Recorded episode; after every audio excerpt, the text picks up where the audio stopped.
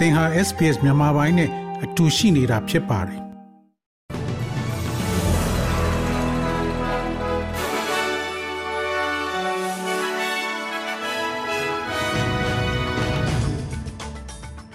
တော်ရရှိမြောက်ယနေ့ January လ10ရက်တနင်္လာနေ့အတွက် SPS News Flash သတင်းထူးများကိုတင်ဆက်ပေးမှာဖြစ်ပါတယ်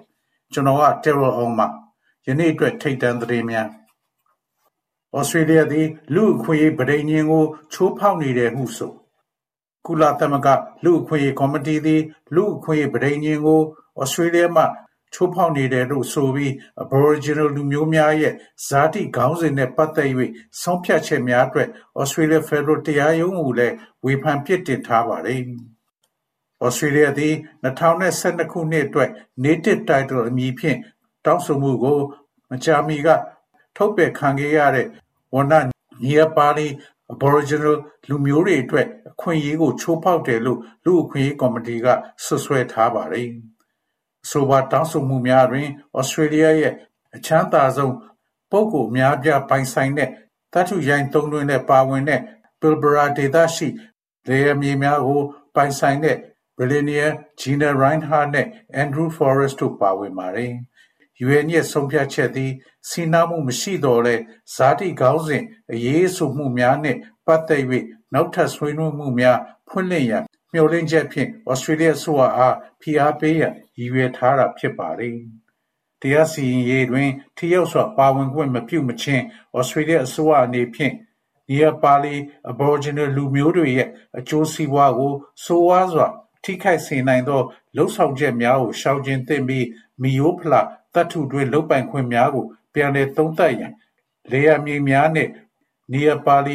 Aboriginal လူတွေကို လုံလောက်သော လျော်ကြေးငွေအပြင် ဇာတိခေါင်းစဉ်ကိစ္စများအတွက် ဥပဒေအညီ ရန်ပုံငွေကို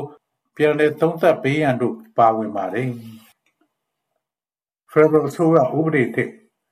ယခုတွင် Federal အစိုးရဥပဒေသစ်သည် နာဇီအလေးပြုခြင်းကို လူသိရှင်ကြားလှုံ့ဆော်ခြင်းသို့မဟုတ်နာဇီအမုန်းတရားသင်္ကေတများကို ပြသခြင်းသို့မဟုတ်ရောင်းဝယ်ခြင်းအား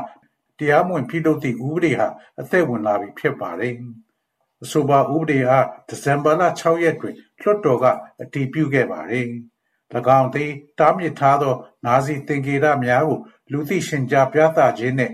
နာဇီများနှင့်အစ္စလာမစ်နိုင်ငံတော်အဖွဲ့တို့အသုံးပြုတဲ့သင်္ကေတများအပါအဝင်အဆိုပါသင်္ကေတများကို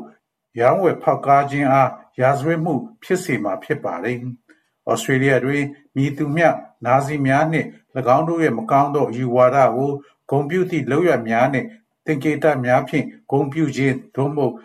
အကျိုးအမြတ် ရရှိစေမည့် ရောင်းချခြင်းများသည် ဥပဒေနှင့် မညီမှာ ဖြစ်ကြောင်း ရှေ့နေချုပ် Mark Dreyfus က ပြောဆိုပါသည်။ဩစတြေးလျတွင် မည်သူ တစ်ဦးတစ်ယောက်ကိုမျှ ဥပဒေက နာဇီနှင့် ပတ်သက်၍ဥပဒေများက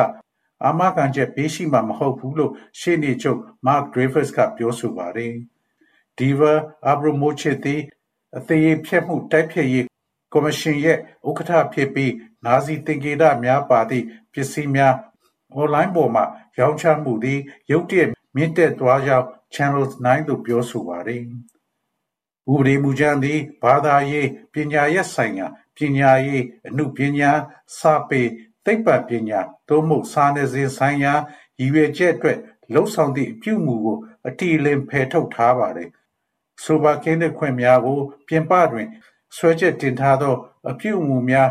ပြက်ပယ်ကြောင်းသက်သေပြရန်တရားစွဲသူရဲ့တာဝန်ဖြစ်လိမ့်မယ်လို့ပြောဆိုပါတယ်။လာဇာရီတိုးလာကြောင်းအချက်လက်အသစ်တွေအရတွေ့ရှိရအစိုးရရဲ့အချက်လက်အသစ်အရလာဇာသည်ဆယ်စုနှစ်တစ်ခုအတွင်း၎ င်းတို့ရဲ့အမြန်ဆုံးနှုန်းဖြင့်တိုးလာနေကြောင်းတွေ့ရှိခဲ့ရပါတယ်။အမြင့်ဆုံးလစာမှလွဲ၍ကြံအားလုံးရှိလောက်ခများသည်2009ခုနှစ်မှစ၍စုစုပေါင်းလုပ်ခလစာ4ရာခိုင်နှုန်းတိုးလာသဖြင့်2023ခုနှစ်စက်တင်ဘာလအထိ၎င်းတို့ရဲ့အကြီးဆုံး3လပတ်တိုးတက်လာမှုကိုမှတ်တမ်းတင်ခဲ့ပါတယ်။ဘန်ဒါရီမူဂျင်ချာမဇီညွန်ပေါင်းအစိုးရအဖွဲ့အောက်တွင်တမင်လောက်အခများကို ရပ်တန့်နေစေခဲ့တဲ့ဆယ်စုနှစ်တစ်ခုဟုဖော်ပြပြီးနောက်၎င်းအစိုးရ၏မူဝါဒများတိုးတက်မှုကိုချီးကျူးဂုဏ်ပြုပြောဆိုသွားပါတယ်။သို့တော်လည်းအမှန်တကယ်လောက်ခလာစာတုံးနှုံသည်ငွေကြေးဖောင်းပွားမှုဖြင့်စိန်ခေါ်နေဆဲဖြစ်ပြီးစားသုံးသူဈေးနှုန်းညွှန်ကိန်းမှာ900ခိုင်နှုန်းသာရှိပါသေးတယ်။အစိုးရက2023ခုနှစ်ဇွန်လတွင်တက်ကြီးစောင့်ရှောက်ရေးလုပ်သားများအတွက် Federal ရန်ပုံငွေ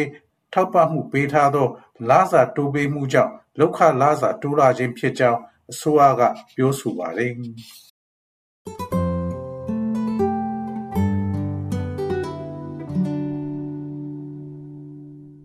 နေ့စဉ်သတင်းတူ newsflash များကိုပုံမချသိရန် SPS Language Podcast ကိုတွားရောက်ကြည့်ရှုပါ သို့မဟုတ် ဝင်ရောက်ကြည့်ရှုပါ